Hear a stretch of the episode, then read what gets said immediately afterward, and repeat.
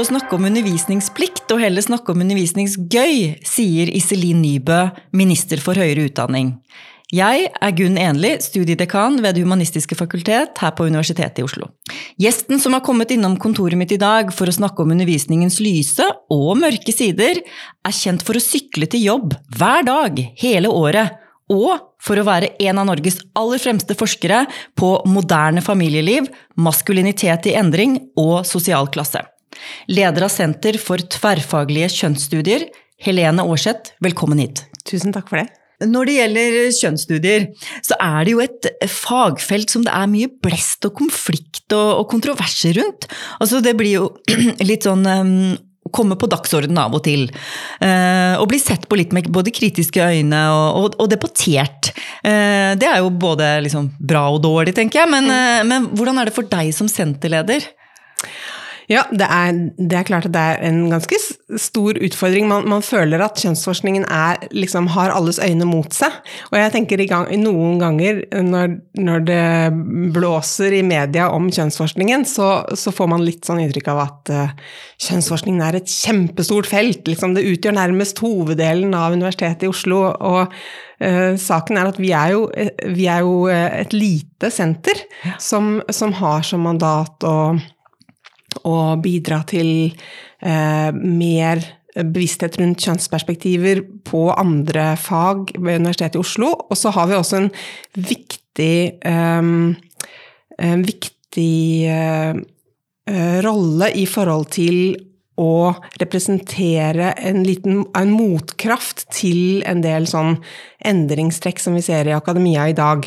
Um, da tenker jeg på at vi nå, akkurat nå, så ser vi eh, innenfor flere disiplinfag at, eh, at um, det blir en dreining mot mer uh, det som kalles harde metoder, da. Ja. Igjen. Altså mer vektlegging av tall og, og eksakt viten, evidensbasert forskning osv. Og, så og det, det, er jo veldig viktig og veldig bra. Uh, og, men, men, men kjønnsforskningen og tidligere kvinneforskningen har jo eh, alltid liksom insistert på viktigheten av å også forstå mennesker i sin sammenheng, og er opptatt av at, at mennesker ikke kan forstås fullt og helt gjennom bare å se på eh, tall og mål, målbare og objektive fakta, men at eh, at vi, vi, representerer sånn sett et, et sånt korrektiv eller alternativ som, som, står veldig hardt på det med å se eh,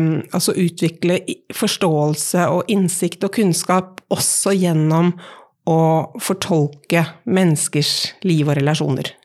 Mm. Og det, tror jeg, det tenker jeg er noe som gjør at vi er viktigere enn noensinne i dag, og samtidig også mer um, står også mer i fare for å bli mer marginalisert.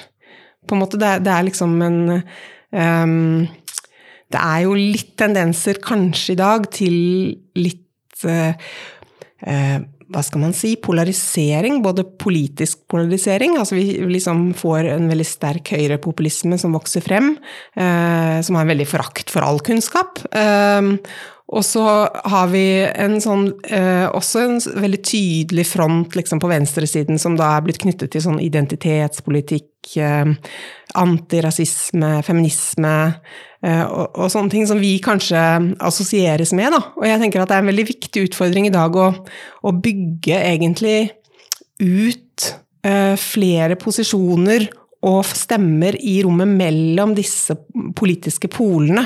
Altså det er også blitt en viktig sånn uh, utfordring i dagens politiske landskap, tenker jeg, som, som, også på en måte er relatert til akademia, da. Fordi akademia står sånn veldig i, i et um, um, Altså det var en, en, som Jeg var på et seminar nylig hvor det var en som sa at um, jo mer Eh, profesjonelt akademia blir, fordi akademia blir jo i dag mer og mer profesjonelt, jo lenger beveger de seg bort fra samfunnet. Og det syns jeg egentlig var ganske godt sagt, fordi eh, veldig mye av, mye av den de spesialiserte fagdiskusjonene og de spesialiserte metodene vi nå jobber med, det, det skaper en distanse mellom vanlige menneskers liv og, og forskningen. Um, og det er jo på en måte Kan tenkes Altså det er ett lite element i den, den store og mer um, mer alvorlige um, politiske polariseringen vi ser nå. At, at um, de som bruker forskningens uh, kunnskap og perspektiver, kanskje har, har beveget seg litt bort fra hvordan vanlige mennesker opplever livene sine, altså hverdagslivet til vanlige mennesker. Mm. Uh, og og der, Ideelt sett så tenker jeg at kjønnsforskningen virkelig er et forskningsfelt som faktisk kunne bidra til å, å løfte dette frem igjen, for det er det vi er opptatt av. Vi er opptatt av å utvikle forskning som har utgangspunkt i hvordan mennesker faktisk opplever, føler og ser verden og sitt hverdagsliv. Men, men så har vi jo denne utfordringen med litt sånn at vi assosieres med på en måte et sånn politisk venstresideprosjekt, da. Um, og som uh, og da er det jo liksom litt fare for at man lager en sånn figur av kjønnsforskere som liksom eh, um, Som noe veldig en, ensartet. Men innenfor kjønnsforskningen er det jo veldig store og viktige fagdiskusjoner hele tiden. Jeg tror det er mer fagdiskusjoner og teoretiske diskusjoner innenfor kjønnsforskningen enn i mange andre fag. sånn at det, egentlig så er det på en måte mer mangfold enn det, enn det ser ut utenfra, vil jeg tenke. Ja, for det karikerte bildet av kjønnsforskningen er jo at eh, man har forhåndsbestemte konklusjoner, at man hele tiden er forutinntatt eh, og, og, som du sier, veldig sånn politisk på venstresiden. Ja. Um, og dette, dette, er jo dette er veldig vanske, altså, vanskelige ting. Um, Um, for det første vil jeg si at vi, altså sånn kjønnsforskning, Senter for kjønnsforskning ved Universitetet i Oslo og År undervisning, det tror jeg våre studenter kan underskrive på. Vi jobber jo veldig mye med å utvikle um, en godt fundert vitenskapelig tenkemåte, i den forstand at man skal være um, tro mot, mot, akademiske idealer som nysgjerrighet, åpenhet, være villig til nettopp å teste dine forforståelser for hele tiden, systematisk, eh, ha brytninger mellom ulike perspektiver, lære at en, et fenomen kan ses fra mange ulike sider og vinkler, og at all kunnskap er eh, preget av at det er sett fra en bestemt side og en bestemt vinkel. Det er liksom veldig sentralt i våre undervisningsemner. Um, så dere utfordrer studentene hele tiden til å ta andre perspektiver enn det som kanskje er det mest åpenbare? Ja. Det, det, det tenker jeg er en Det, det er øh, noe av det vi Noe av kjernen, på en måte, tenker jeg, i mye av, av vår undervisning. Det handler om det å, og utvikle denne evnen til refleksivitet, som man kan kalle det. da, Altså se, se, sammenhengen mellom perspektiv, hvem som opplever og ser verden på bestemte måter, og hvilken type kunnskap man utvikler og produserer. Um, og så har vi da en, så har vi jo en studentmasse som er uh, over snittet engasjert, vil jeg si, i, i samfunnsspørsmål og kultur, kulturelle spørsmål. Og det er jo en kjempe styrke, og det har alltid vært det for kjønnsforskningen og tidligere kvinneforskningen. Denne, denne, kraften som ligger i at man er henvendt mot verden og ønsker å gjøre noe med verden, og, og føler et ansvar for, uh, for å gå inn i sin tid, for å si det sånn, for å gjøre, for å gjøre skape endring til et bedre samfunn.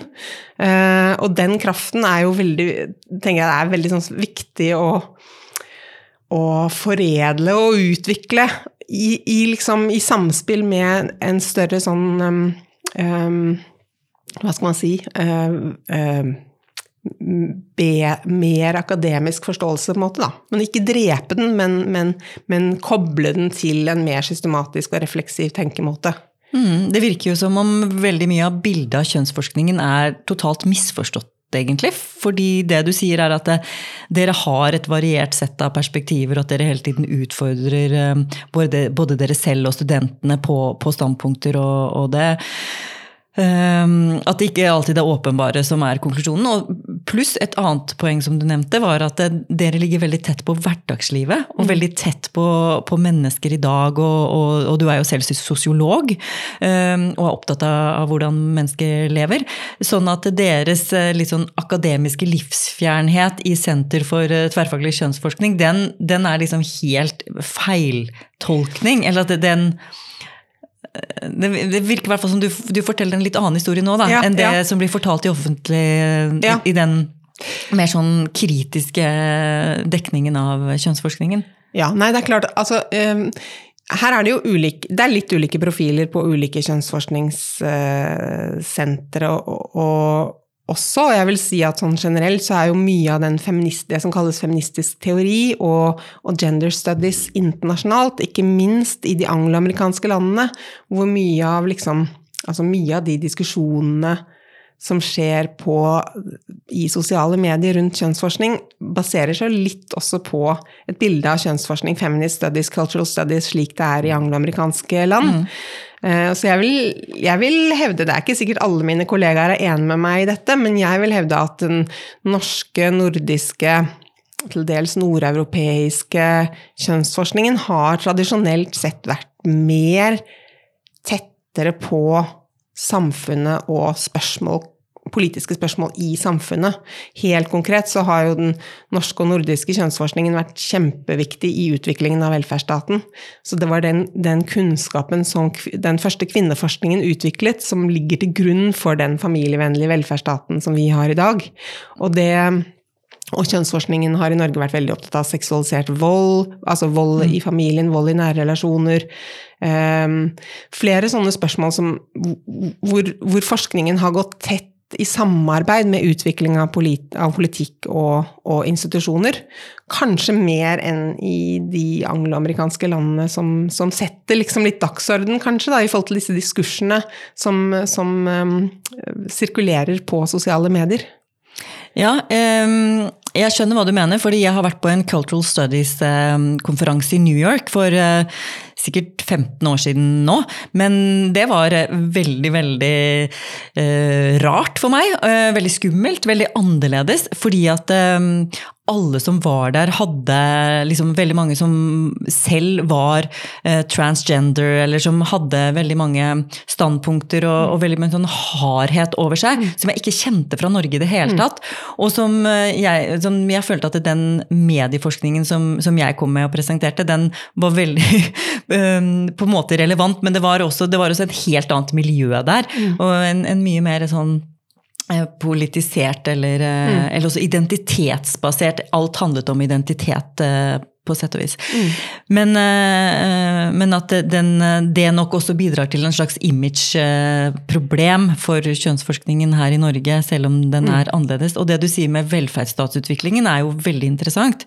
Hvordan jobber dere nå i forhold til politikk? Og politikkutvikling? For det, høres ut som dere har hatt mye impact eller påvirkning mm. på, på, politikkutvikling?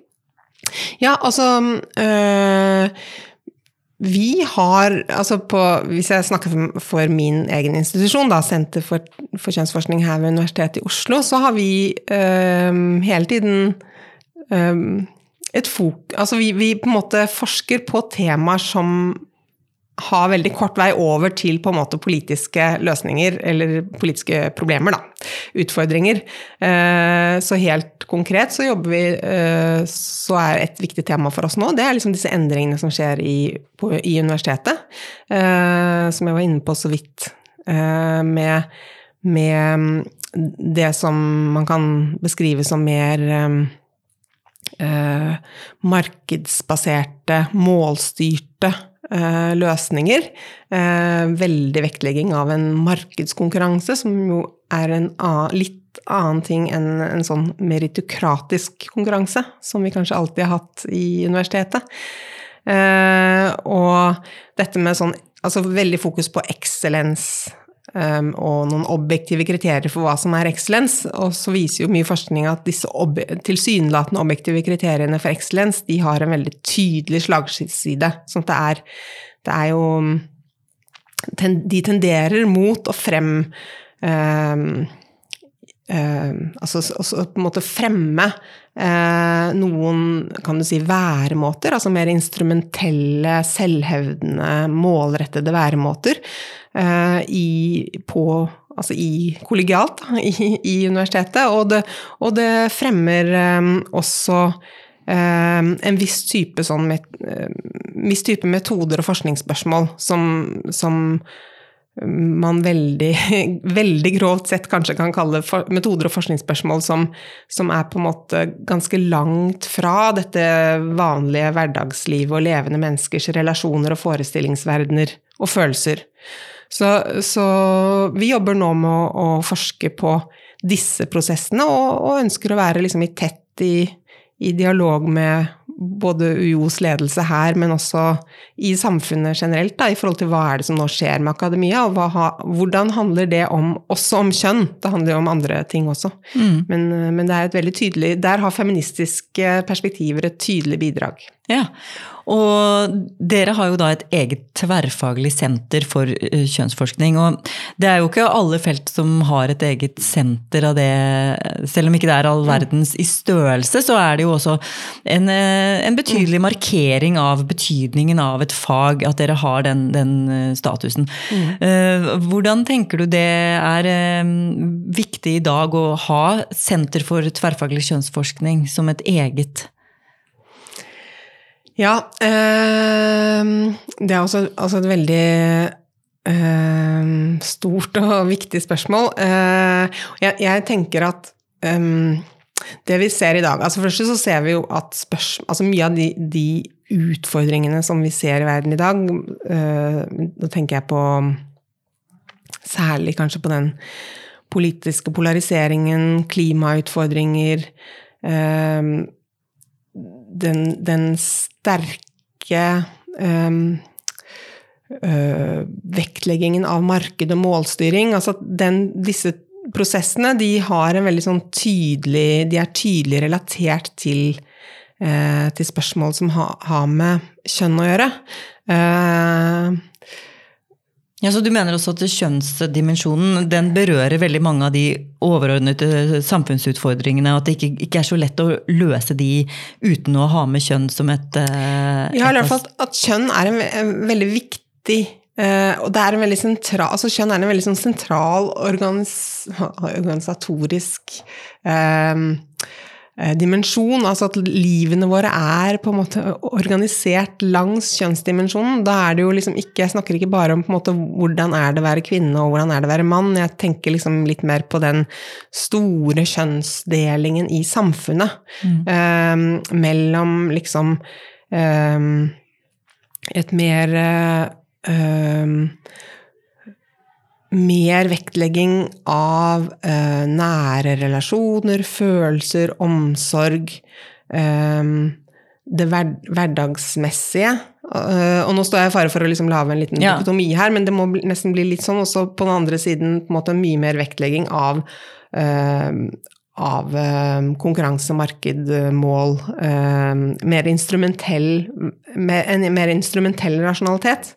Og, og dis, dette at vi har denne splittelsen, eller en polarisering, eller en sånn eh, todeling i samfunnet mellom, mellom, eh, La oss kalle det den menneskeorienterte og den markedsorienterte uh, uh, rasjonaliteten. Det, det, er veldig sånn sentralt i forhold til uh, f.eks. klimaspørsmål, tenker jeg. Eh, Hvordan da?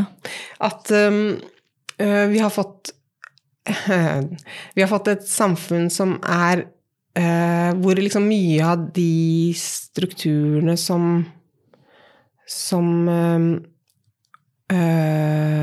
samfunnet, altså politikk og økonomi de strukturene som ligger til grunn for politikk og økonomi, de er, har vært litt frakoblet den menneskelige dimensjonen, for å si det med en klisjé, altså den menneskers behov, eh, menneskers behov for tilhørighet, for å ta ansvar og omsorg for hverandre, for å føle seg som en del av et fellesskap. Eh, sånn at eh, jeg tror f.eks. Dette er ikke mitt forskningsområde, men, men jeg, jeg, tenker at den øh, kritikk kritikken da, av den instrumentelle rasjonaliteten som på en måte bare hele tiden er opptatt av uh, å gjøre ting mer effektivt og målrettet, den er veldig viktig også i, knyttet til dette med klima, uh, klimautfordringen. Mm. Nå tror jeg jeg glemte helt det du Nei, egentlig at, spurte om. Hvordan kjønn var Nei, fordi det, du svarte vel på dette med rasjonalitet. Hva slags type ja. rasjonalitet er det vi snakker om? Og når vi snakker om bærekraftig utvikling, mm. så er jo det et forsøk på å kanskje dra den um, utviklingen som man ønsker hele tiden, å få mm. mer og mer kapital, mer og mer mm. velstand, mer og mer inntjening, for å dempe det ned og si at ja, men hallo, vi må sørge for at dette er bærekraftig. Ja. Og, og hva ligger ligger i det, det ligger jo at man tenker på litt mer hensyn til om, omgivelsene, og også ja, forholdet til naturen og de myke verdier, kanskje. Mm. Så kanskje det er et eller annet her med å løse klimautfordringer, så må vi ha med oss begge formene for rasjonalitet, eller hva man nå enn kaller det, i hvert fall følelser og, ja, og, ja. ja det tror jeg absolutt. Mm. Ja. Eh, veldig bra. Dere er jo et populært studieprogram. Det er, eh, det er nylig sluppet søkertallene for høyere utdanning, og der viser at eh, jammen er ikke søkningen til kjønnsstudier fortsatt veldig høy. Mm. Det er konkurranse om studieplassen hos dere. Hva tror du er grunnen til det? Altså um, Det tror jeg er fordi at, at vi har et veldig spennende studium som som gjør det mulig for unge mennesker å forstå mer av verden, av hvorfor vi er her, hva gjør vi, hva er meningen med mm. hvor skal vi? Mm. Altså de, de, spørsmålene, jeg tror det er det Det er det jo mange unge mennesker som, som søker seg mot. Og det blir kan, kanskje, nå jeg, står jeg i fare for å skape meg fiender her, men, men kanskje de spørsmålene er, blir litt mer glemt på noen fagområder i dag, kanskje særlig i samfunnsfagene, eh, at, man, at fagene har beveget seg litt mer i retning en sånn litt mer systemorientert, instrumentell eh, ja. ramme, da. Hvor, man, hvor, de, hvor, forskerne skal bidra til å løse problemer. Vi så det i disse diskusjonene rundt univers, UiOs nye langtidsprogram eh, nå, eh, at, at, det liksom var veldig mye sånn um, snakk om hvordan skal UiO bidra til å løse problemer. Og det, det, er jo veldig viktig at vi skal det, men, men, jeg tenker også at det er veldig viktig at uh, universitetet og akademia er et sted som skal utvikle menneskers evne til å tenke selvstendig, ha go godt funderte, kloke forståelser av, av oss selv, hvem vi er, hvor vi går og hva, hva, vi gjør her, holdt jeg på å si. Altså som er noe litt annet enn å hele tiden skulle lage bedre, mer effektive midler til å nå mål som ja. er definert fra før. Uh, uten at man egentlig har stilt seg spørsmål hva var målet med det målet? Ja, eller hvorfor skal vi gjøre dette, hvorfor ja. er dette viktig? Ja. Uh, så det du sier er at uh, kjønnsstudier er en, liksom, en oase for studentene, hvor de kan eh, lære kritisk tenkning og, og være litt mer frie. Da. Faglig frihet, uh, uten at det skal være um, koblet opp til uh, liksom akademiske uh, Eller idealer da, om, ja. om konkrete f.eks. løse samfunnsutfordringer. Men samtidig så er dere jo også tett på det å løse samfunnsutfordringer, som jo er kjønnsrollemønster, hverdagsliv. Er ikke det også jo, samfunnsutfordringer? Det er sant.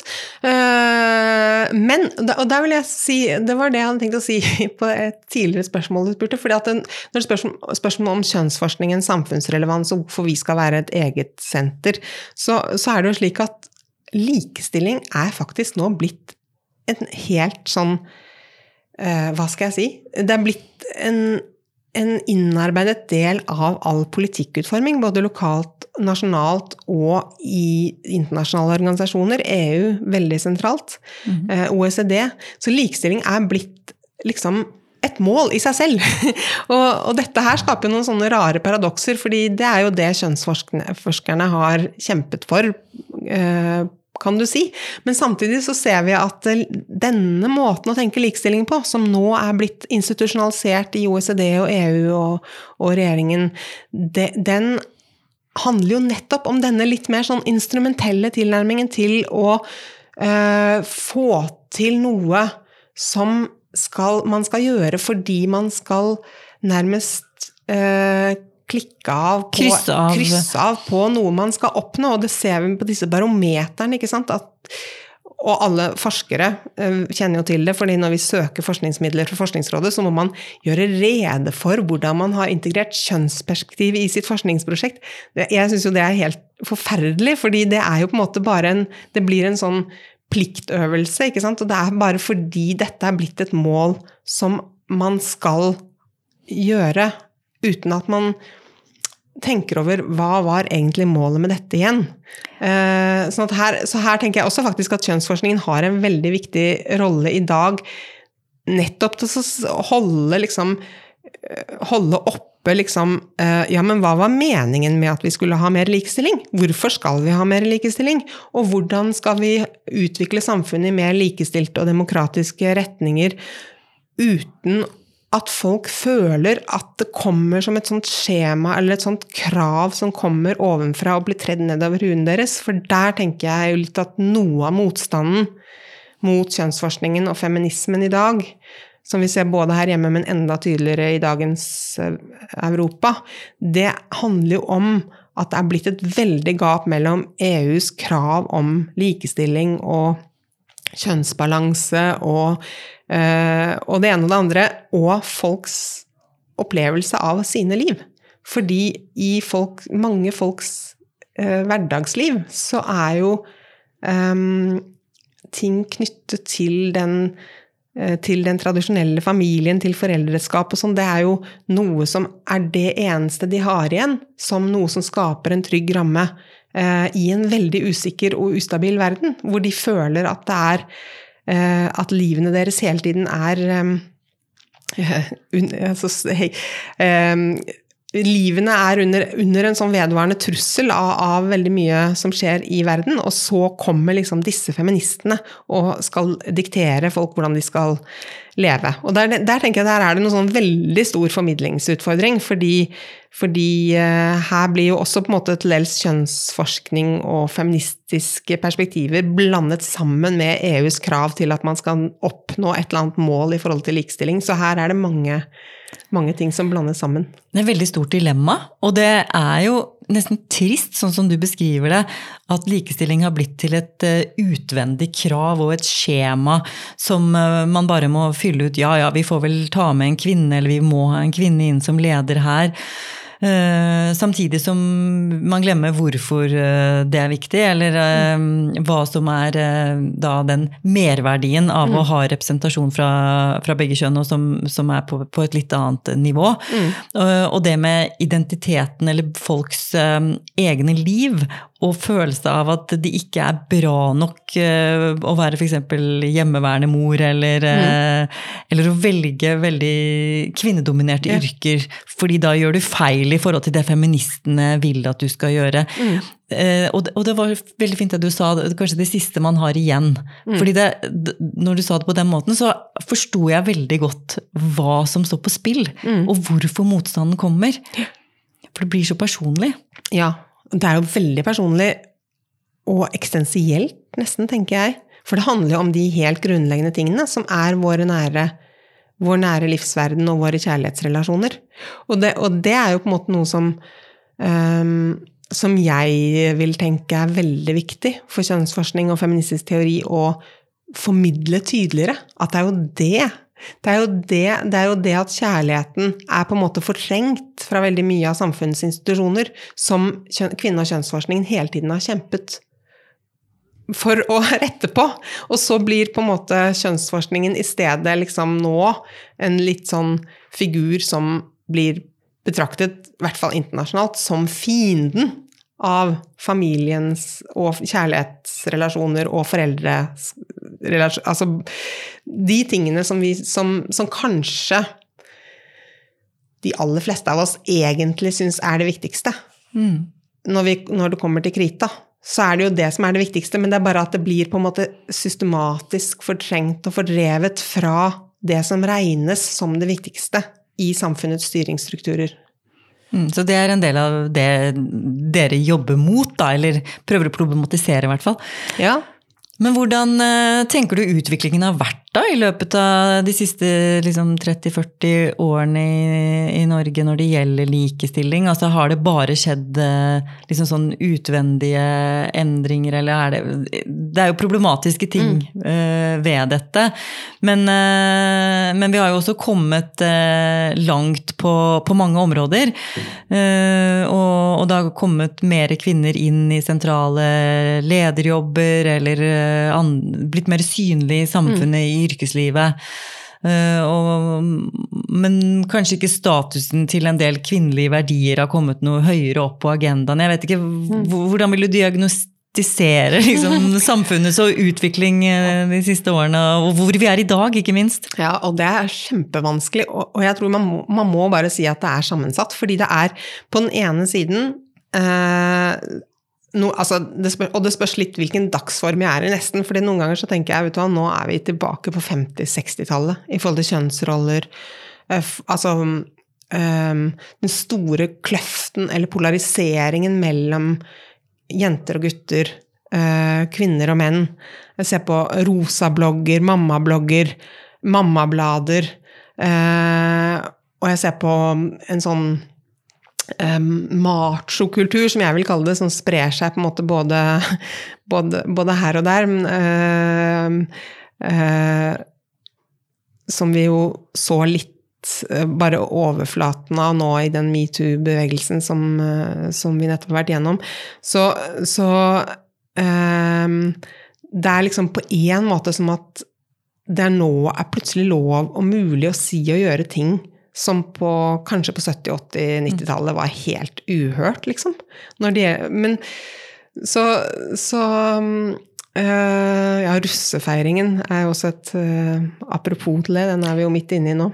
Ja, så Da tenker du sånn backlash? Ja, da tenker jeg backlash, ja. Uh, veldig tilbake til til før et eller annet, På et eller annet vis før kvinnebevegelsen på 70-tallet. Så, så det, det, er liksom én side ved det. Og så øh, og dette, Jeg lurer litt på om dette henger sammen med økonom, de økonomiske eh, endringene vi er gjennom, eller som vi er i nå, og, og denne veldig sterke nyliberalismen øh, som, som på en måte presser frem en større sånn polarisering. Uh, og jeg tenker også litt at én utfordring er at vi har en sånn internasjonalisering Altså, vi, vi snakker Vi bruker fortolkningsskjemaer, eller fortolkningsrammer, teorier, perspektiver, diskurser, som, som sirkulerer mer internasjonalt, sånn at vi bruker på en måte amerikanske eller angloamerikanske perspektiver og forståelsesrammer på å forstå det som skjer i våre samfunn. Um, og det, det, er litt problematisk, fordi det er jo samfunn som har helt, helt andre uh, kjønnsrelasjoner og familieformer og forhold mellom arbeidsliv og familieliv enn vi har sett i det norske og nordiske samfunnet. Sånn at så, så, nå prøver jeg å snakke meg til at det er ikke så ille likevel. fordi i de nordiske landene øh, særlig så har vi jo sett en enorm revolusjon i hverdagslivet når det gjelder kjønn. Og vi ser altså, øh, vi, altså det, det, er ikke minst Du nevnte liksom kvinner har kommet inn i, i topplederstillinger, og vi har fått altså vi har flertall kvinner på jusstudiet og medisinstudiet osv. Men, men, men ikke minst gjelder det jo endringer i menns rolle. Så, for vi har jo fått en helt annen type relasjon mellom fedre og barn, f.eks. i dag. Og det tror jeg er blitt veldig det var det jeg prøvde å si med amerikanske, den amerikanske dominansen i forhold til fortolkningsskjemaene vi bruker. Fordi det er blitt vanskelig å sette ord på betydningen av den endringen som har skjedd i mannsrollen eller maskulinitet i de nordiske land. Fordi fordi kjønnsforskningen ikke lenger utvikler perspektiver som er, som er, fundert i de nordiske landenes livsformer. Sånn at, eh, at den Altså, jeg tenker f.eks. hvis jeg ser på gutter i dag Altså, de gråter, og de snakker om følelser på en høyst kompetent måte. De har nære, veldig nære relasjoner både til gutter og jenter. Det er helt annerledes enn det var bare for to tiår siden.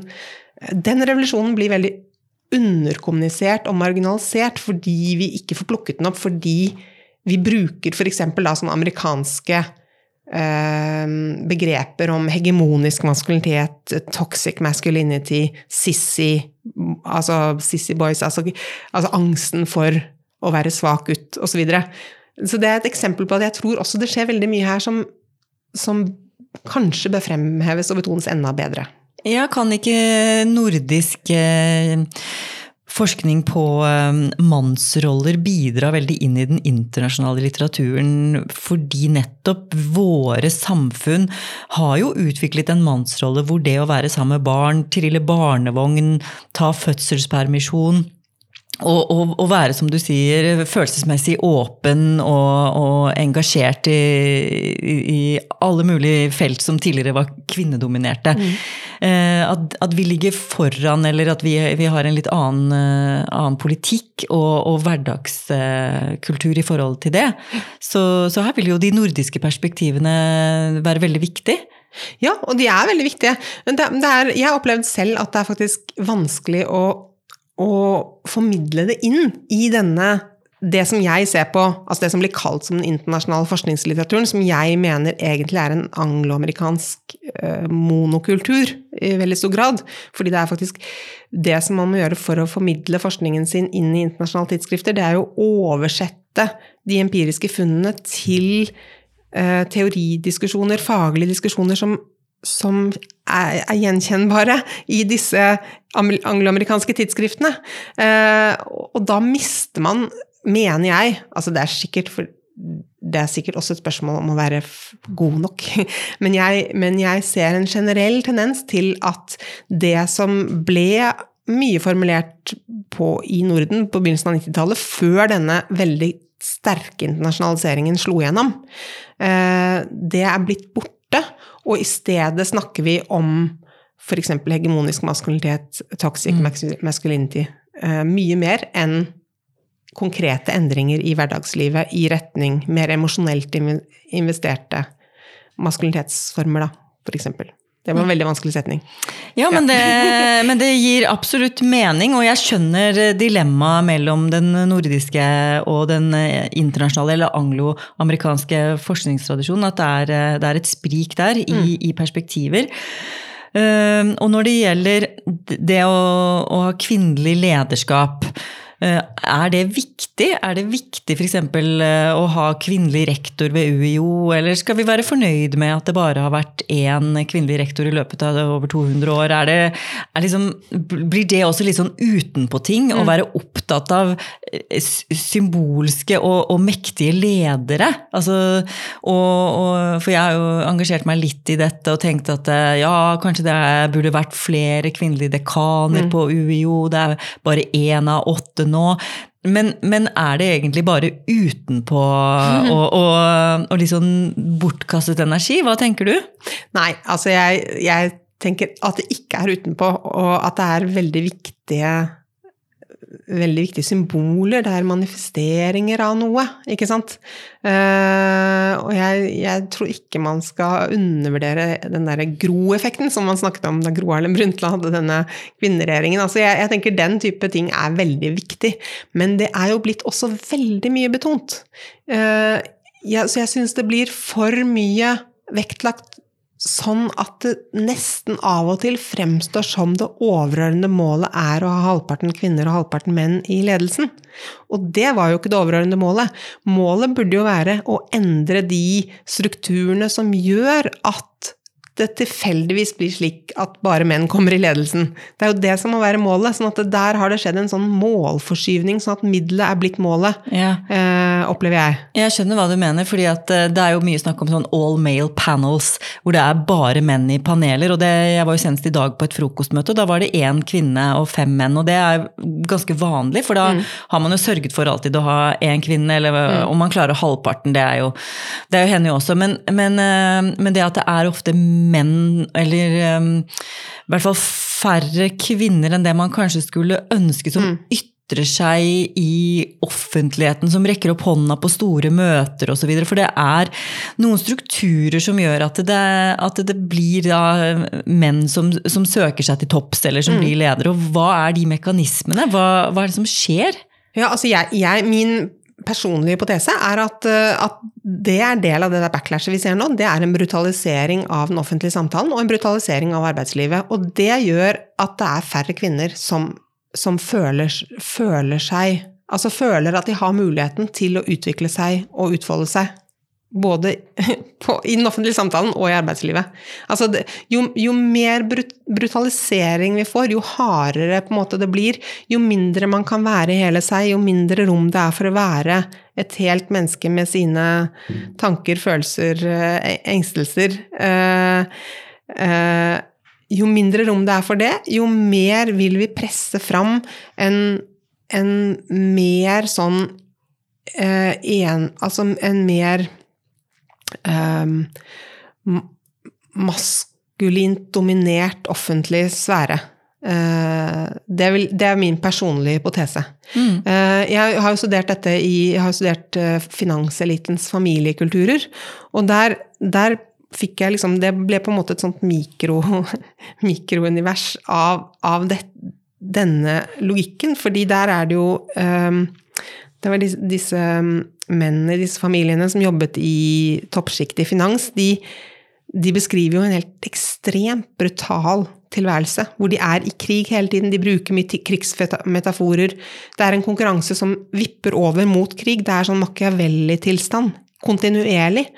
Og og jeg argumenterte jo da for i den studien at, at jeg så hvordan denne type sånn krigsberedskap-modus, da, at den, den var med å drive fram en sånn veldig sånn kraftfull begjær etter denne, denne øh, trygge, moderlige kvinnelige figuren som mykner alt, som lager et trygt sånn um, Haven in a heartless world, som er et uttrykk som er veldig kjent i familieforskningen. Altså som, som beskytter Som lager et, et, sted hvor man er totalt beskyttet, og hvor, hvor, hvor det er veldig fokus nettopp på ivaretagelse av behov, følelser Ivaretagelse av det menneskelige.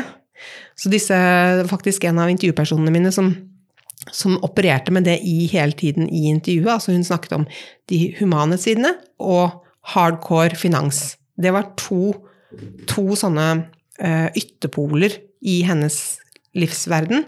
Og, det var sånn som de organiserte livene sine veldig etter.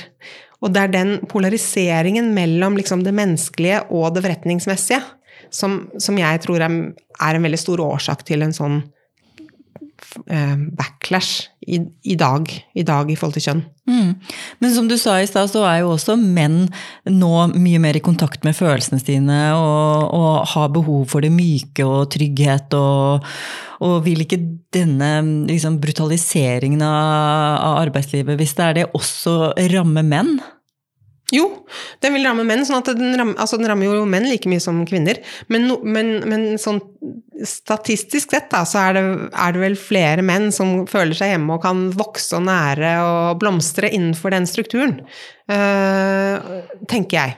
Men, men, det er absolutt sånn, det, og det er liksom et, et uh, nytt forskningsprosjekt jeg skal i gang med nå i akademia. Det går nettopp på å undersøke hva er det som skjer med med den type moderne mann, og så lager jeg sånne hermetegn her, moderne mann i den nordiske eh, um, landene som, uh, som vi ser er veldig sånn tydelig nettopp blant folk som har høyere utdanning. De er veldig ofte også veldig orientert mot mer likestilte familieformer og er veldig opptatt av å være tett på barna sine.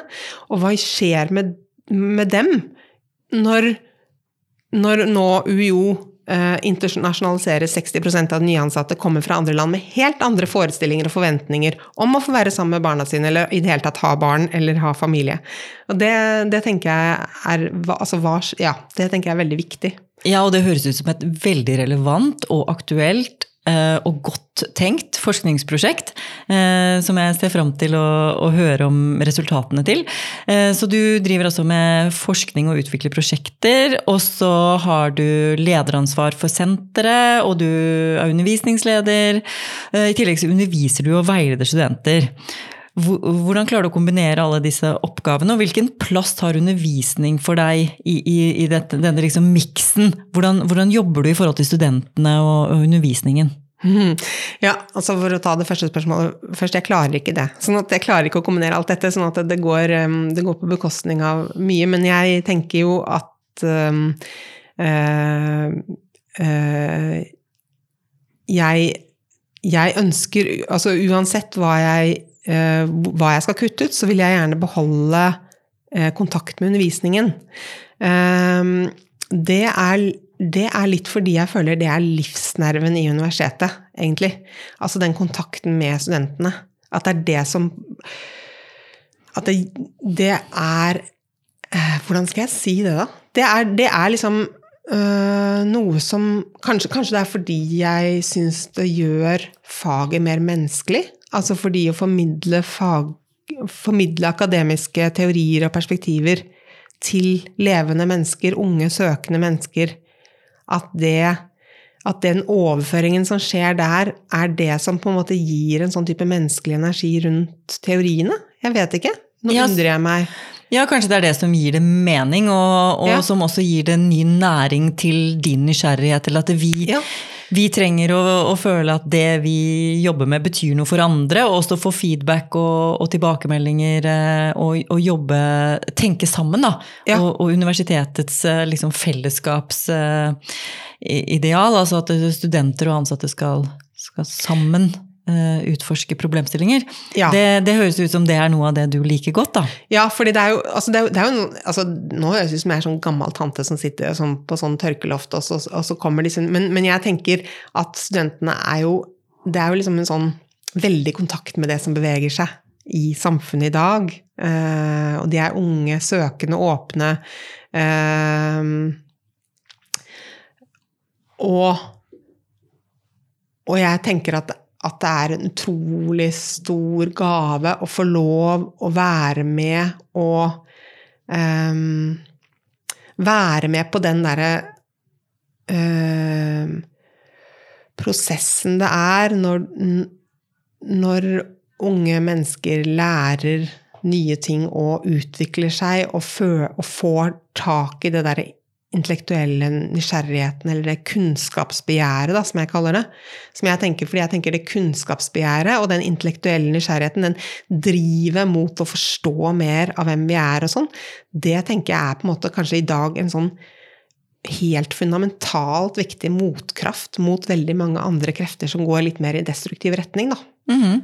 Så det kan være nesten liv, livbøye, eller ja. livsviktig Livsnerve. Ja, ja, en livsnerve. Og at, det var jo det du sa også tidligere, at det, det er livsnerven til universitetet og mm. det, det, vi driver med. Mm. Kontakten med studentene. Mm. Så det syns jeg var veldig godt sagt. Nå har jeg tre faste spørsmål eh, til slutt. Um, det er jo litt kobla til eh, din, din, rolle som underviser. Mm. Altså, Har du noen tips til andre undervisere? Hva, hva er liksom din suksessfaktor? eller hva, når når er det du syns det funker?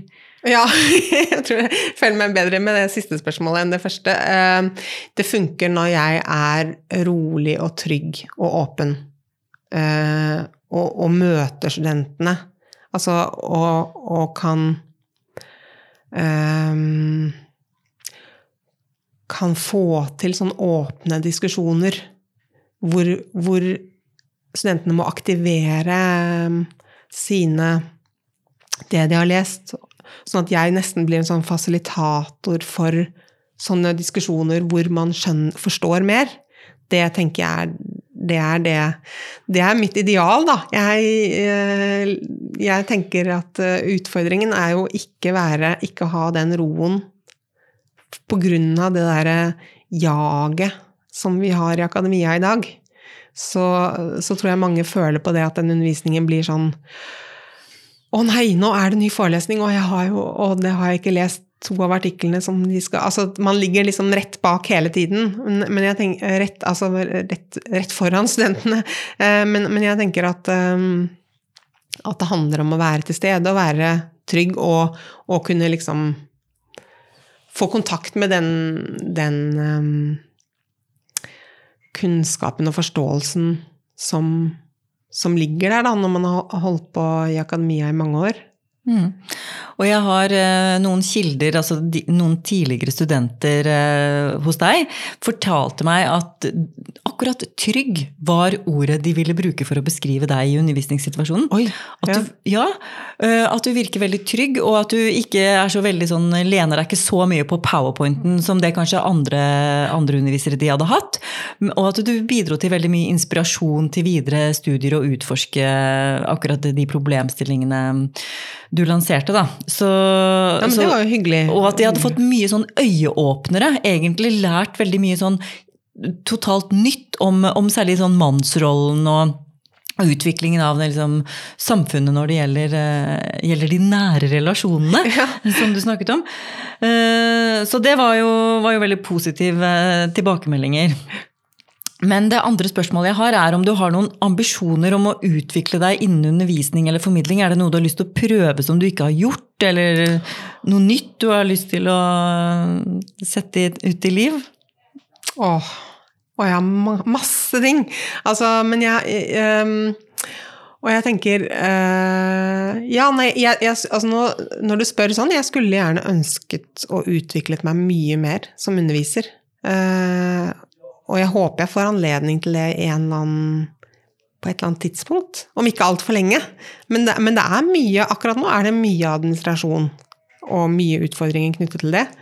Uh, og så er det jo dette her forskning Publiseringspresset som man snakker om. Du snakker om undervisningsplikten. Jeg tenker publiseringspresset er jo um, Er jo veldig sterkt. Uh, ja. Jeg tror, men jeg, men jeg, jeg, tenker i retning av vet du hva, jeg tenker at én ting som jeg har tenkt mye på i det siste, det er at jeg opplever at gleden over fordypning og konsentrasjon, lese lange, sammenhengende tanker, at den er under press i dag. Og at jeg ville Hvis jeg kunne bidratt på noen måte til å åpne opp for det, både for meg selv, da, fordi litt, det er litt under press hos meg òg for tiden, men, men, også for studentene, av den, den det andre Det som er litt annerledes som skjer hvis du, hvis du jobber, leser en bok tett, jobber mye med en tekst eh, som er godt tenkt, da, så tenker jeg at det åpner opp noe helt annet enn, her, enn å konsumere disse små bitene av litt sånn halvferdigtygd Halvfabrikata kunnskapsbitene som, som vi kanskje har litt mye av på pensum nå. Ja, Det høres ut som du um, tar til orde for litt mer sånn langsom læring. Ja. Slow cooked food, eller slow ja. cooked teaching, hvor du, du, kan ta tid, og, og hvor det er liksom lange flater å arbeide med tekster og, og fordypning. Ja. Er, ja, ja, ikke sant. Jeg er jo helt Altså, jeg mener jo det er det som er Det er det som er uh, Det er det som er det sanne, det skjønne. Uh, jeg, jeg, jeg, jeg ville jo ønsket at, at, universitetet hadde mye mer um, forankring i å lese bøker, og at bøker ble skrevet mye mer Eh, at, at, de bar mindre preg av hastverksarbeid, for å si det sånn. Så jeg ville jo tenkt at vi har, problemet i dag er at vi har fått altfor mye Altfor mye publikasjoner. Vi, vi, publiserer Vi bare Vi på en måte slenger ut, liksom, i universet masse sånne tekstbiter. Og veldig mange ganger så er det ikke noen gang noen som leser, eller veldig få som leser. Um, jeg, jeg, jeg, vil, jeg, vil, ønske at vi hadde skrevet mindre og mer bedre fundert, og at man leste lengre tanker. Ja, da vil du jo også eh, sikkert eh, tenke at det må være en mer helhetlig samtale, fordi når alle kommer med sånne små um, små biter ut i, i, det publiseringsuniverset, så er det ikke alltid at de, man verken leser hverandre, siterer hverandre eller forholder seg til hverandre. Så den, eh, den saktegående, helhetlige, mer funderte forskningen og, og, undervisningen høres ut som du tar til orde for. Det siste spørsmålet er hva tror du er egentlig den største forandringen? Nå har vi jo snakket litt om forandringer, men eh, om ca. Sånn 15 år fram i tid, hva tror du universitetet vil se ut som da? Tror du det vil være som i dag, eller, eller hvor vil være de største forandringene? Åh, det var et vanskelig spørsmål. Jeg, jeg, altså det, det, er jo veldig Det er jo kjempespennende å, å tenke på. Jeg, jeg, vet jo ikke hvor vi er om 15 år. Det er jo ikke så lenge til 15 år, da. Men, men uh, jeg, håper at det er kommet en motreaksjon mot den vektleggingen av kvantitet og små halvfabrikata biter. Jeg håper det. At det er, at, uh, at det er blitt en ny Altså at man henter inn igjen um, den vektleggingen av selvstendig tenkning, original tenkning, godt funderte uh, tekster. Det vil jeg håpe. At universitetet, fordi jeg tenker at universitetets rolle i samfunnet i dag det, det er nettopp disse tingene som er det universitetet bør og skal bidra med. Det er å utvikle samfunnsborgere som har denne evnen til å tenke selvstendig, ta selvstendige gjøre selvstendige tolkninger av det som skjer, ikke bare følge strømmen, følge massen. Uh, nå er jeg nesten tilbake til sånn Hanne Arendt og mellomkrigstiden uh, her, men det er jo ikke helt uh, det er jo ikke helt skivebom, fordi det er jo en del utviklingstrekk nå som er ganske skumle. Og jeg tenker at universitetet har en kjempeviktig rolle i forhold til det. Mm. Så der eh, spår du en, en framtid som er litt mer sånn ønskedrøm også, ja. om at uh, universitetet vil sørge for at, uh, at, samfunnet unngår en del av de negative strømningene som, som vi ser begynnelsen på i dag. Ja, at, at, at, at, universitetet blir enda mer klar over Jeg mener at Universitetet i Oslo og andre universiteter også er jo veldig klar over at dette er en kjempeviktig rolle for universitetet, men jeg ville ønske at det ble enda klarere, både for universitetet selv og for ikke minst kanskje for politikerne? Mm. Da lar vi det bli siste ord. Tusen takk for at du kom hit i podkasten Undervisningsplikten. Senterleder for Senter for tverrfaglig kjønnsforskning, Helene Aarseth. Takk for at du kom hit. Tusen takk for at jeg fikk komme. Det var veldig gøy. Ja, og til dere som hører på, så håper jeg at dere liker podkasten, og følg oss gjerne på iTunes eller Spotify. Vi høres!